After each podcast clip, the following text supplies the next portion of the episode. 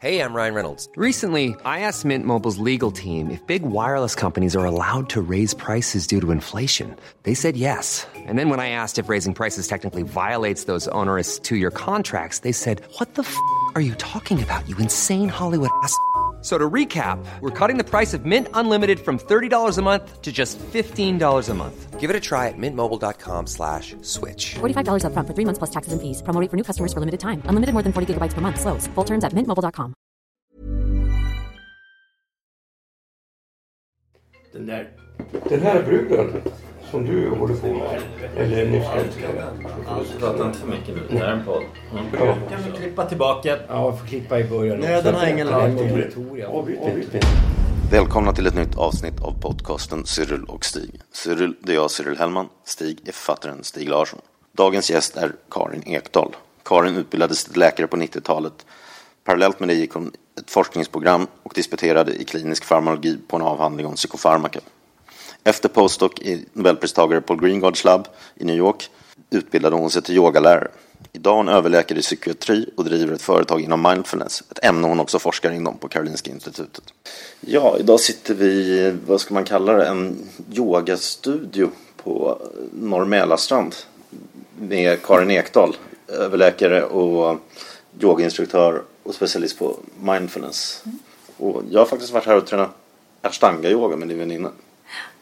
Och vi kan väl börja med det också om, om, om det kanske framgår senare men lika bra att säga direkt att vi var gifta en gång för 15-17 år sedan. Ja. I några år. Jag har alltid varit nyfiken på att träffa dig måste jag säga. Okej, Men vad, vad, kan du börja förklara med mindfulness som, som uh, DN har skrivit om dig bland annat och du har startat igång ett företag med det.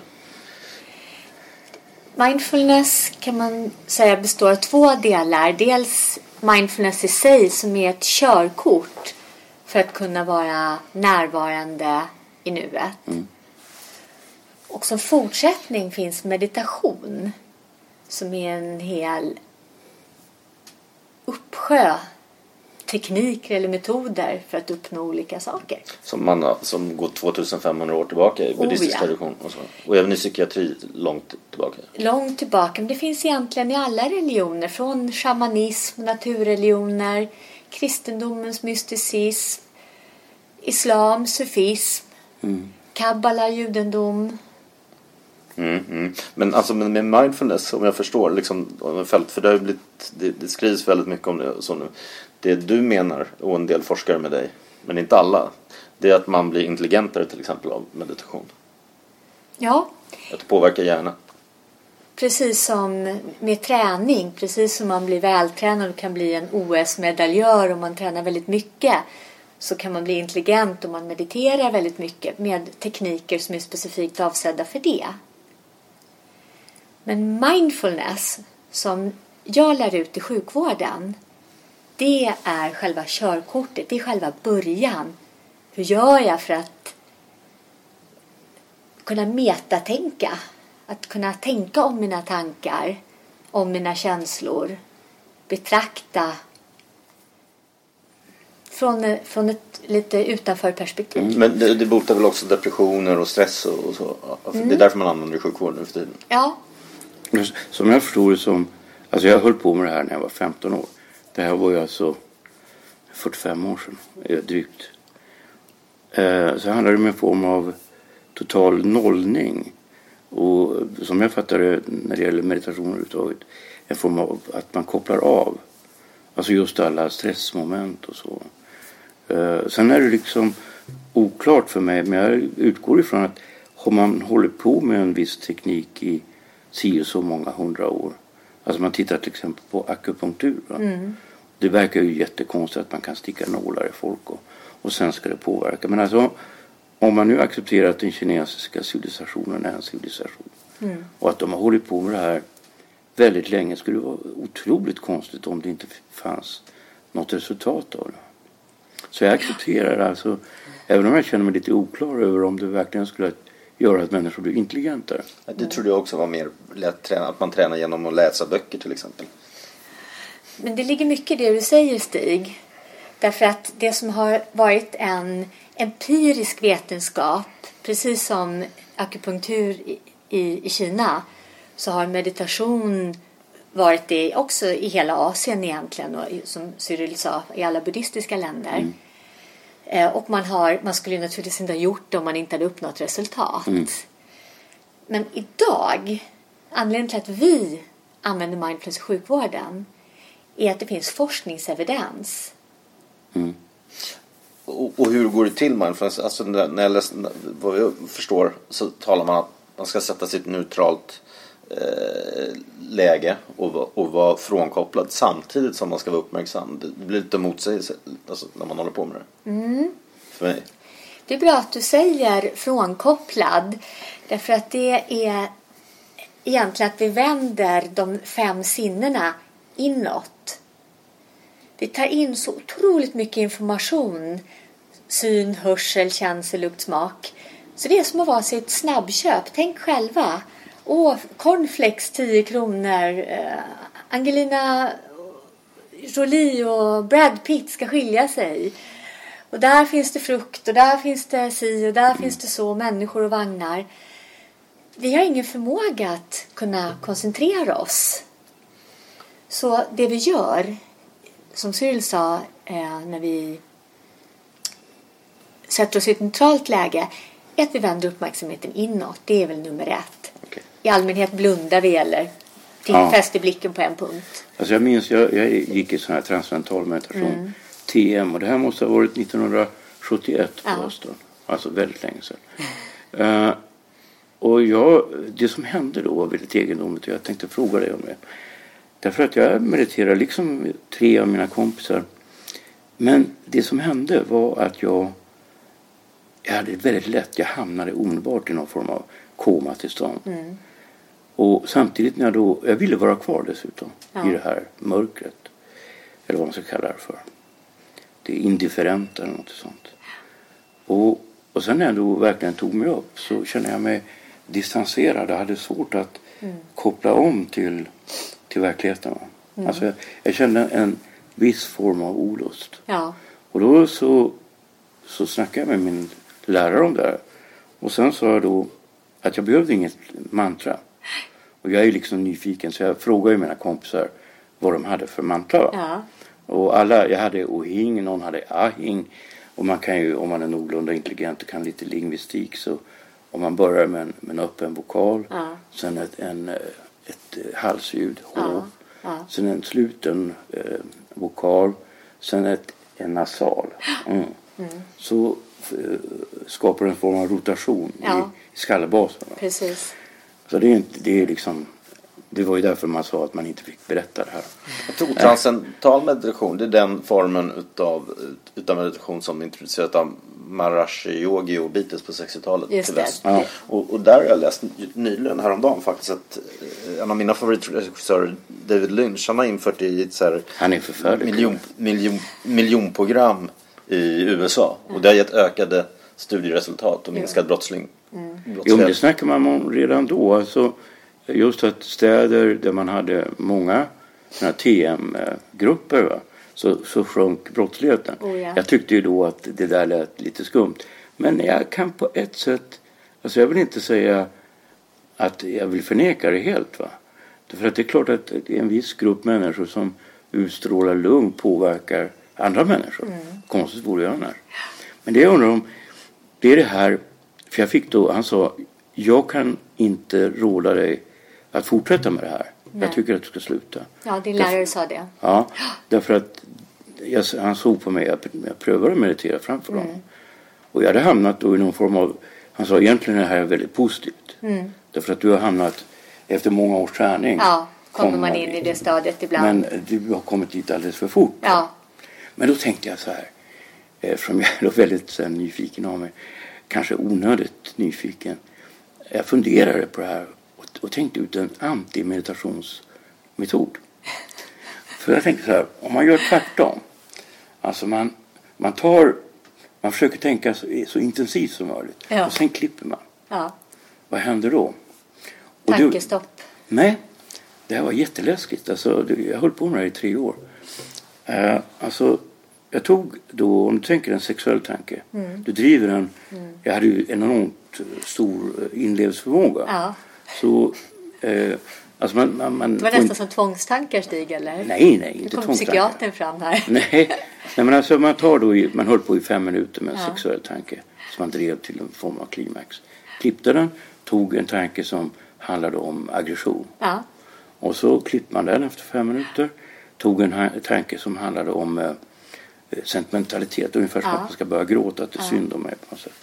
Sen tog man en tanke som handlade om eh, rädsla, att Ja. man är jagad. ja, Sen övergick man till eh, sexualitet. Ja. Sen men, tog det då fem minuter, fem minuter, fem minuter. Alltså 20 minuter. Sen klippte jag det till två och en halv minut, två och en halv minut, två och en halv minut, Ja. två och en halv minut. Så, så, så sexualitet, rädsla och aggressivitet, du hör ihop Ja, de, de hör ihop på något sätt. Sen så tog jag det där och en minut. sentimentalitet. Ja, en minut, en minut, en minut, en minut. Och sen klippte jag. Ja, Och det som hände då, Ja. det var att hela huvudet blev vitt. Och jag fick liksom ett slags epileptiska anfall. ja, Men under den tiden så jag pågick i... Jag, jag kollade med en kompis, han fick studera mig. ja, Eh, det tog kanske 40 sekunder. Så kunde jag lösa massa problem. ja. För hjärnan var liksom renad. Absolut. Gör, ni- gör ni i mindfulness, ja, så har ni mantran som är transcendental meditation? Nej, inte i den mindfulness vi lär ut i sjukvården. Okej. Det jag undrar när jag läste idag om, om det, hur, hur, de säger att det också kan ge eh, minskad eh, lägre, lägre blodtryck till exempel. Och hur, kan- hur, hur, kan, hur kan stabiliserat blodtryck, Jo, sänkt bl- blodtryck. Hur kan det komma så? det är så rikt det här ämnet. Jag skulle vilja säga någonting till Ja. Stigs spännande upplevelse också. Ska jag säga det Ja, först och sen blodtrycket? Det jag hör, rätta mig om jag har fel Stig, att du har en stark förmåga att kunna koncentrera dig. Mm. Det kanske du har nytta av i ditt skrivande kan jag föreställa mig. Mm. Att du orkar hålla fokus i fem minuter på ett ämne. Så. Det är egentligen det vi gör i mindfulness, i det här körkortet. Mm. Inom, nu visar jag med citationstecken här. Även om vi håller oftast fokus på kroppsförnimmelser eller andning. Mm. Eller ett mantra då som de gör i TM, men vi gör inte det i svensk sjukvård. Och när man har gjort det och sen flyttar då kan man säga att den psykiska energin hamnar i centra som har med sexualitet att göra. Och det är hypotalamus som samlar in hormonsignaler utifrån. Men även eh, känselkortex som tar emot sensoriska intryck från olika delar av kroppen. Så det är mycket de områdena du stannar i hjärnan. Sen när du tänker på sentimentalitet då kommer man på sådana områden som medkänsla, ganska grundläggande i limbiska, det emotionella eller känslosystemet. Mamma tröstade mig, sådana där tankar. Eh, Det är liksom väldigt nära hjärnstammen. Så det du kan göra det är att du rör psykisk energi. Säger man kanske inom religion och meditation. Men idag i vetenskapen säger vi att du befinner dig i ett område av hjärnan förflyttar det medvetet till ett annat. Det är, inte många som har det fokuset medfött kan jag säga som du har. Men det är väl det som har gjort att du har blivit författare också förmodligen. Och när man då rör psykisk energi så försätter man hjärnan, och det här är välkänt, i ett hypnagogtillstånd. Ni vet mellan vet. sömn och vakenhet. Så du, du hittade en Stig Larsson-metod. Ja, jag vet. Men sen upptäckte jag att det där förmodligen var inte bra. För jag, jag mådde inte bra efteråt. Nej, och det har att göra med det första som hände och jag tycker det var en väldigt klok lärare du hade som sa att du skulle inte fortsätta.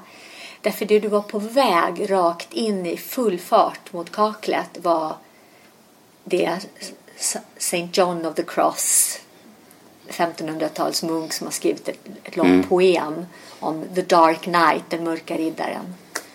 Och det är ett stadium i meditation som kan inträffa när man rör psykisk energi allt för fort, som du gjorde, men man sprider det till olika delar av hjärnan för fort så att du blir fragmenterad. Mm. Jag det fatt- kan jag kräva fattade. månader och år att Ja, få jag ihop en fattade sån instinktivt person. att det här var inget bra. Va?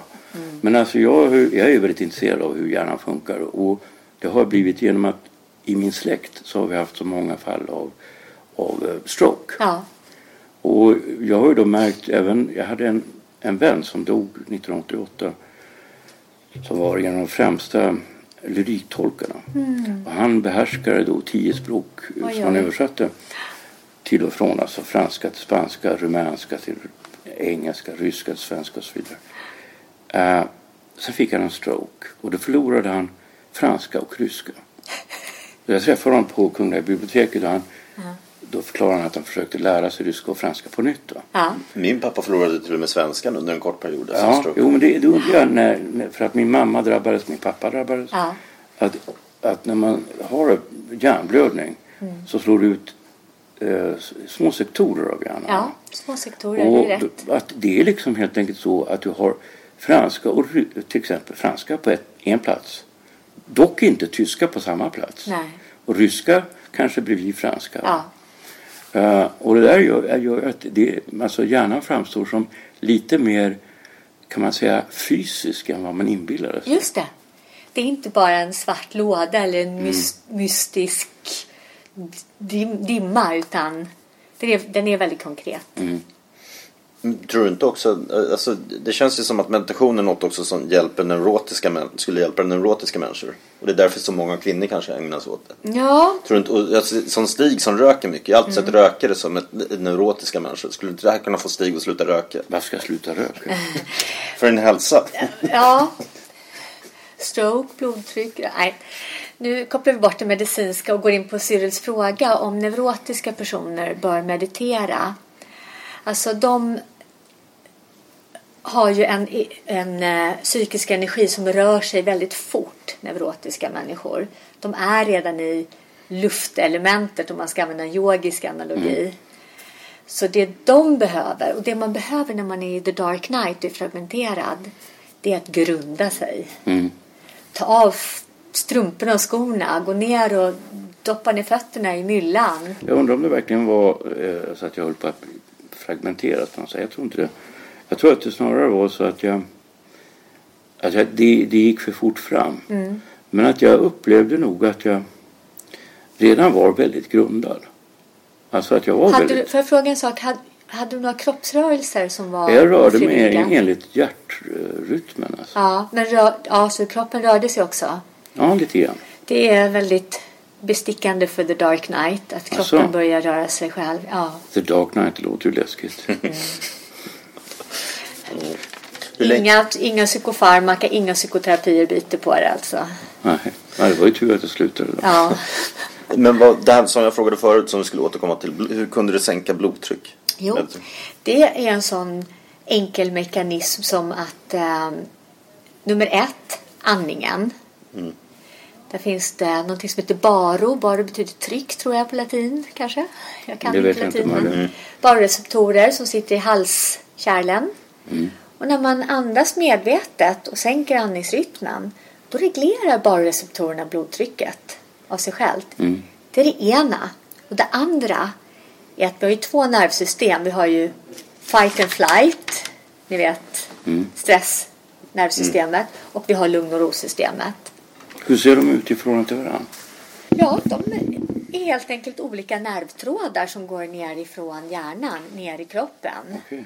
Där man kan säga att eh, den aktiva nervtråden sitter mycket på framsidan och lugn och rosystemet sitter mycket längs eh, den bakre delen av ryggmärgen. Have catch yourself eating the same flavorless dinner three days in a row? Dreaming of something better? Well, HelloFresh is your guilt-free dream come true, baby. It's me, Gigi Palmer. Let's wake up those taste buds with hot, juicy pecan-crusted chicken or garlic butter shrimp scampi. Mm. Hello Fresh. Stop dreaming of all the delicious possibilities and dig in at HelloFresh.com. Let's get this dinner party started. Millions of people have lost weight with personalized plans from Noom, like Evan, who can't stand salads and still lost 50 pounds. Salads, generally, for most people, are the easy button, right? For me, that wasn't an option. I never really was a salad guy. That's just not who I am. But Noom worked for me. Get your personalized plan today at Noom.com.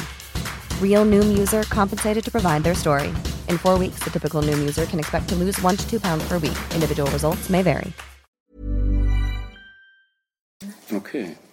Och inducerar man lugn och ro-systemet Mm. sjunker du blodtrycket. Så det är två saker. Andningen och att du inducerar lugn och ro-systemet. Mm. Men jag såg här när, när DN skrev om det så, så var det ju också något så här röntgenbilder eller något på hjärnan som Mm. var bevis för att du blev intelligentare på det, på det här. Mm. Men jag såg också på Twitter att det fanns några läkare, bland annat i Göteborg, som, som var upprörda och menade att det här var hum, humbug. Ja, det var ju Agnes Wold som gick igång i 180 där på Twitter. Eh, Men vi hade... Inte bara hon, det var någon snubbe också som verkade, hade ganska mycket attityd. Ja. Eh, det, det, deras invändningar, det de trodde utifrån deras fysiologiska kunskaper var att det finns, de förstod att det finns en funktionell förändring i hjärnan, att den kan börja fungera annorlunda. Men det de inte kunde ta till sig, vilket beror på att när vi gick läkarutbildning, även när jag gick läkarutbildningen för 30 år sedan, så sa man att hjärnan var ett vitt blad. Nu har jag glömt bort vad det heter på latin också, men någonting.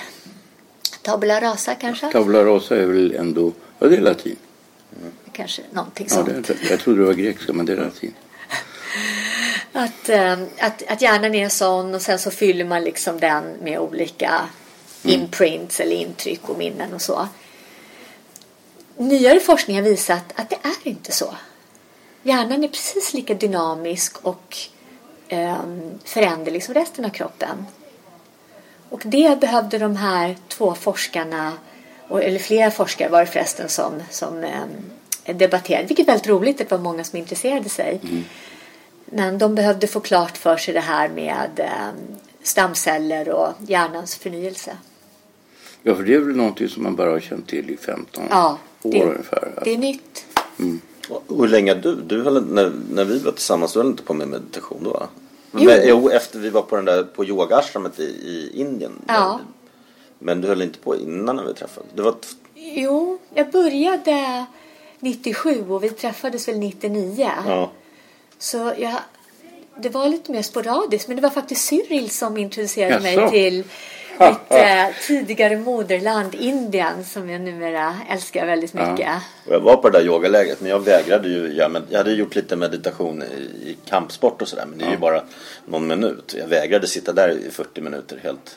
Ja, man ska, Jag ju- man ska ju verkligen sitta bok. i här i tre dygn minst. Jo, jag vet. Jag har en annan polare som har försökt få med mig på något sånt här äh, meditationsgrej lite söder om Stockholm. Mm. Där, Ja, där du sitter i två, veck i Ja, två veckor eller någonting. ja. Och han säger att ja, men han, han vet inte om jag är tillräckligt psykiskt stark för det. Jo, det är du. Det är det du. Du är psykiskt stark. Men du har ju varit på de här vandringarna Jo, i. Jag- Nepal och så. Ja, så har jag även gått den här äh, Dag Hammarskjölds pilgrimsled i Kiruna. Ja. Ja. Men, men det, det är ju inte samma sak. Då går du ju liksom och tänker. Men du sitter ju inte direkt. Nej, Jag gillar, ju precis. att, jag gillar ju fysiskt. Det är därför yoga föredrar ju bikram som är, som är hårt. Mm. Lite mer bootcampen istället för andliga. Nej, alltså, alltså, efter mina erfarenheter då va, så har jag ju lagt om det här. Men det betyder inte att jag är negativ på något sätt till det. Men jag, jag har liksom inte haft kontakt med det. Men jag läste den här artikeln och tyckte det var intressant. Och eftersom jag är intresserad också av hur hjärnan funkar. Va? För jag har ju märkt det, alltså att jag använde droger på framförallt 90-talet. Och alltså amfetamin då. Och då blir det ju väldigt tydligt just det här med att du använder olika delar av hjärnan. Mm. För när jag, jag använde det för att skriva. Och om jag blev störd och var tvungen att tala. Så tog det ett tag för mig att vända skrivcentrumet till talcentrumet. Mm. Alltså det tog kanske 5-10 minuter innan jag kände mig bekväm med det. Därför att om du så här hyperaktiverar en, en viss del av hjärnan. Ja. Så lägger du de andra delarna av hjärnan liksom i mörker. ja, träda, Ja. mörker. Och, och jag upplevde det där väldigt fysiskt påtagligt. Så för mig var det något självklart att Mm. hjärnan är liksom nästan som olika rum Ja. som du liksom brukar. Ja, visst är det det. Det vi gör i meditation eller mindfulness det är att vi skapar nya dörrar och nya öppningar mellan rummen. Mm. Så att du kan röra dig fritt. Och vill du ställa till med en fest så kan du liksom använda alla rummen samtidigt. Ja. Och hur, det här forskaren Richard G. Davidson han menar att, att det, påverkar hjärnan på, på så sätt att det, att det kan också ändra känslor och, Mm. och tankemässiga mönster på ett positivt sätt. Hur kan du göra det? Jo, det är steg nummer ett. Efter att du har tagit körkort och lärt dig hur överhuvudtaget kommer i närvaro genom att vända sinnena inåt. Då fokuserar du på en punkt. Du kan pick one, ta vad som helst. De flesta tar andningen. Du kan ta kroppsförnimmelser. Du kan meditera på ljud runt omkring dig. Eller som Stig gjorde. Någon, ja, något visst ämne som du ville tänka. Men få människor klarar att hålla det extrema fokuset. Till exempel i zen-buddhism. Där har man väldigt mycket fokus på en koncentration på en punkt. När du har lärt dig det, steg nummer ett, då kan du applicera det till att uppmärksamma någon annan del, till exempel känslorna. Och då brukar man börja med någonting så basalt som känslotonen. Det är bara behagligt eller obehagligt, som en amöba. Positivt eller negativt. Neutralt finns egentligen inte. Därför vi är bara amöbor som antingen ska reagera mot mat eller bort från mat. Eller Du menar att vi är så mot primitiva? en mate eller bort från en mate. Är Ja. vi verkligen så primitiva? ja. Nej, vi har ju flera cellager. Så vi är lite mer komplexa. Men, men vi måste kunna känslotonen obehagligt eller behagligt Mm. för att kunna förstå de här komplexa känslorna som du och Cyril kan skriva om och hur människor mer intrikat Mm. Ja, alltså om man fungerar. inte hade de rent instinktiva känslorna som du betraktar då som eh, Grund. alltså rädsla, flykt eller att man går framåt. Alltså, så skulle man inte klara sig rent praktiskt. Nej, och det är det känslotonen är. Det är en jättestark signal. Stig, stanna här. Eller Stig, spring bort från en Mälarstrand. Det är farligt här. Ja. Jo, men alltså, jag har varit med om det alltså just, i, just i fysiska situationer när det har varit farligt. Va? Alltså när jag har varit tvungen att reagera fysiskt. Och då är det ju väldigt tydligt att du inte tänker. Alltså, Precis. det finns inga tankar i normal mening att jag tänker nu måste jag ducka eller nu måste jag hoppa dit eller så här. Va? Du gör det bara. Och det där är någonting som jag upplever alltså efter jag fyllde 55 ungefär va? så sjunker det där. Det där blir sämre. Tyvärr. Vilka, vilka, vilka klienter är det som Försäkringskassan skickar till dig? Är det, jag, jag kan tänka mig att det, det är många som lider av stress och depressioner. Är det de huvudsakliga? Eller? Ja, utmattningssyndrom, långvariga smärtsyndrom. Det finns ju, I sjukvården kan vi bara använda skattepengar till sånt som har forskningsevidens. Och det är depression, ångest, smärta som har starkast evidens. Men det, kom, det har kommit forskningsstudier, ADHD-sidan, uppmärksamhet. Vilket inte är någon long shot med tanke på att det är det vi börjar. Posttraumatisk Att pröva. stress också hört. Posttraumatisk stress, ja, men det, det är komplext i sig och det är också mångfacetterat att behandla. Att jag har märkt att bara använda mindfulness vid PTSD har, kan retraumatisera. Att man sitter i traumat. Ja, jag förstår. Och det är inte, Nej, det är inte det är inte hälsosamt. Utan man tar en liten, liten bit, tar hand om det. Sen tar man nästa. Man behöver en erfaren traumaterapeut skulle jag Fast, säga. jo. fast jag, jag, fick, eh, alltså jag fick ju posttraumatisk stress, konstigt nog inte efter jag var i eldstrid i Syrien. Men Nej. jag fick det efter jag var ihop med en galen kvinna. Ja. Som mer eller mindre försökte döda mig. Och då hjälpte det med samtal. Ja, precis. Med, med, med den och så terapeuten. bra terapeut. Ja. Och så gick det över efter två månader faktiskt bara. Ja, så jag tycker PTSD ska man inte gå i mindfulness utan att ha psykoterapi samtidigt. Det rekommenderar jag Mm. starkt. Nej, men för det, det är ju... Alltså just, just det här med det vi kallar utbrändhet. Jag måste erkänna att från början när man talar om det då tänkte jag så här. Nej men det där är bara för att folk vill smita ifrån sina jobb. De har tråkiga jobb. Ja. Så Alltså, kommer de resonerade på jag också innan jag fick det också. Men alltså, sen var det en kompis till mig som, som jag fick höra förra, att han var utbränd. Jag tänkte, kom igen, han kom från Norrland som jag. Han kan inte hålla på och ljuga. Han är ju han nat- naturligtvis drabbats av det. Och det där var, var svårt för mig att ta. Va? För Jag tänkte, vad fan är det som har hänt honom? Och jag minns, vi snackade några kompisar om det där. Eh, och jag tror att det är ett komplext ämne, det här utbrändhet. Och det har inte bara att göra med... Det har naturligtvis att göra med, med arbetet men det har att göra med det, hela deras livssituation. Ja. Och att de får dubbla signaler från människor. Alltså de som är dåliga på att avgöra huruvida någon talar sant eller inte. Ja.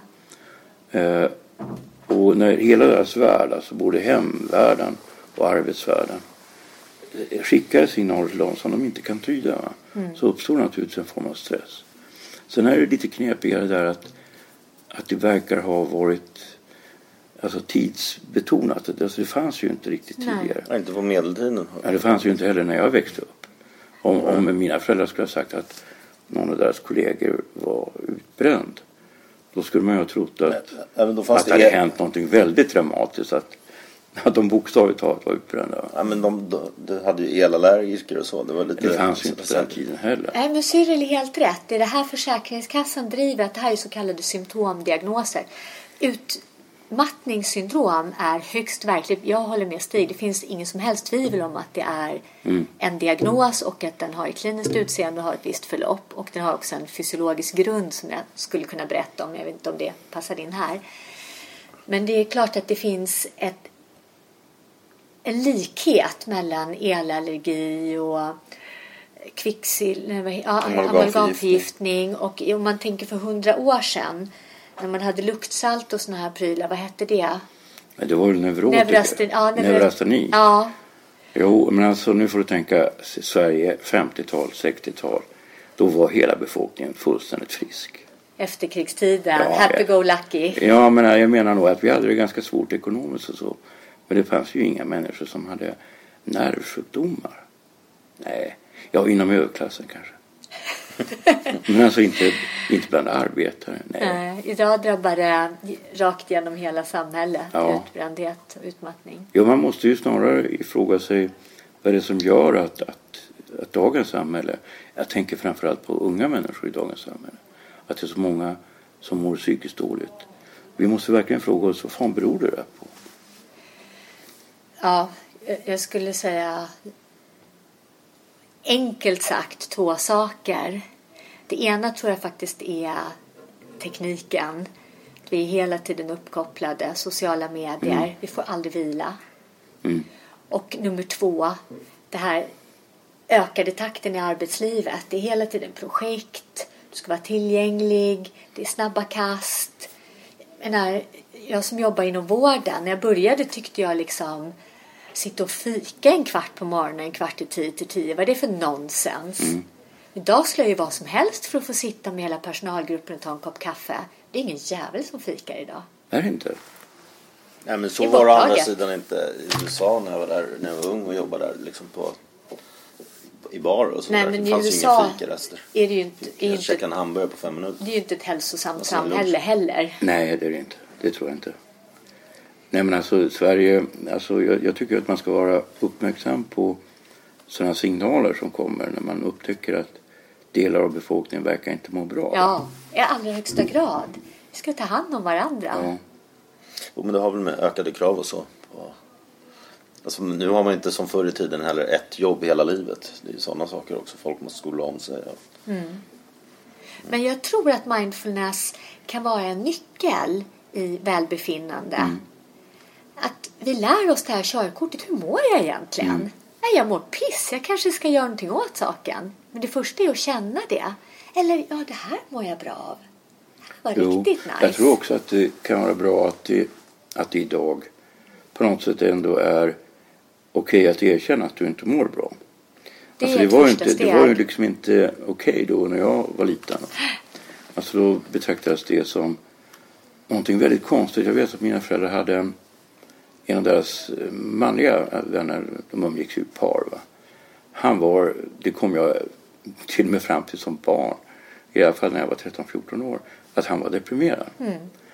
Och, och jag vet att mina föräldrar de tyckte att det där var jättekonstigt. Alltså de, mina föräldrar och, och hela min familj, vi har alltid talat öppet om Ja. allting. Och de var lite bekymrade över att någon kunde vara, alltså för det var på ett obestämt sätt deprimerad. Ja, Eh, och jag, vad jag förstår så tog han sedan livet av sig. ja. Eh, och det där var något som, de kom aldrig fram till vad det där berodde på. Men det, det oroade dem eftersom de tog upp det när, när jag hörde på. Jag tycker det är jättepositivt att det lyfts fram idag att man kan ha en sjukdom i hjärnan lika väl som i magen. Ja, det var och ju sen- på Skavlan, Sofia Helin berättade ju, skådespelerskan, om eh, ja, sitt liv med och verklighet med depressioner och Ja. suicidtankar och så här. De diskuterar på så fint och öppet sätt. Ja, så du vet att det var ju så här också. Det var en annan av mina föräldrars bekanta som hade, hade haft en sån här strumaoperation. Mm. Och när man går in i sköldkörtlarna så är det ju så att du kan påverka serotoninhalten. Eller du Mm. påverkar Påverkar produktionen, depression. produktionen av så här, du vet, metaller. Ja. Alltså, eh, och det gjorde att den här personen, det var en man, han kunde plötsligt börja gråta och så. Mm. Och de visste ju att han var på något sätt sjuk. Alltså. Men sen så drabbades min mamma av det efter en stroke. Av struma? Nej, och hon fick en stroke. Ja, hon fick depression. Nej, en stroke, Ja. hjärnblödning. Och, eh, och då fick hon helt enkelt medicinska depressioner. Plötsligt kunde hon börja gråta. Mm. Hon sa, bryr dig inte om mig för jag blir ledsen av ingenting. Det är liksom min kropp. Mm. Och då hade jag läst en artikel i DN Vetenskap om det här med, eh, det heter då Prozac. Ja. Det fanns inte egentligen i Sverige. Men jag ringde mamma och sa att du ska snacka med en läkare och försöka se till att han beställer det till dig. Ja. Så hon var en av de första i Sverige som fick det. ja. Hon blev, hon blev bra efter fyra, fem veckor. Och då kände jag mig ganska stolt över att jag ändå var en ganska vaken son. Ja. Ja, ja, håller med dig. Och det är fint om vi kan avsluta kanske med det. Mm. Med eh, mediciner och mindfulness. Ja. Det är samma bansystem som påverkas på samma robusta sätt. Så det, är liksom, det finns bara en sorts hjärna. Den går bara att påverka liksom Mm. på ett visst antal sätt. Så det är samma mekanism att höja serotoninhalten vid mediciner som vid mindfulness. Ja, det är en bra slut. Ni har lyssnat på podcasten Cyril och Stig. Vi hoppas ni gillar det ni har hört och går in på acast.com och prenumererar och delar på Facebook och Twitter till era vänner. Hey, folks, I'm Mark Marin from the WTF Podcast, and this episode is brought to you by Kleenex Ultra Soft Tissues, your ally to help tackle your allergy symptoms this season. I love the change of seasons, but nobody loves pollen and all those other things floating in the air that make you sneeze during this nice weather. Kleenex Ultra Soft Tissues are hypoallergenic and allergist approved, so fight back against watery eyes and runny noses without worrying about irritating your skin. For this allergy season, grab Kleenex and face allergies head on. Hold up. What was that? Boring. No flavor. That was as bad as those leftovers you ate all week. Kiki Palmer here, and it's time to say hello to something fresh and guilt-free. Hello Fresh. Jazz up dinner with pecan-crusted chicken or garlic butter shrimp scampi. Now that's music to my mouth. Hello Fresh. Let's get this dinner party started. Discover all the delicious possibilities at hellofresh.com.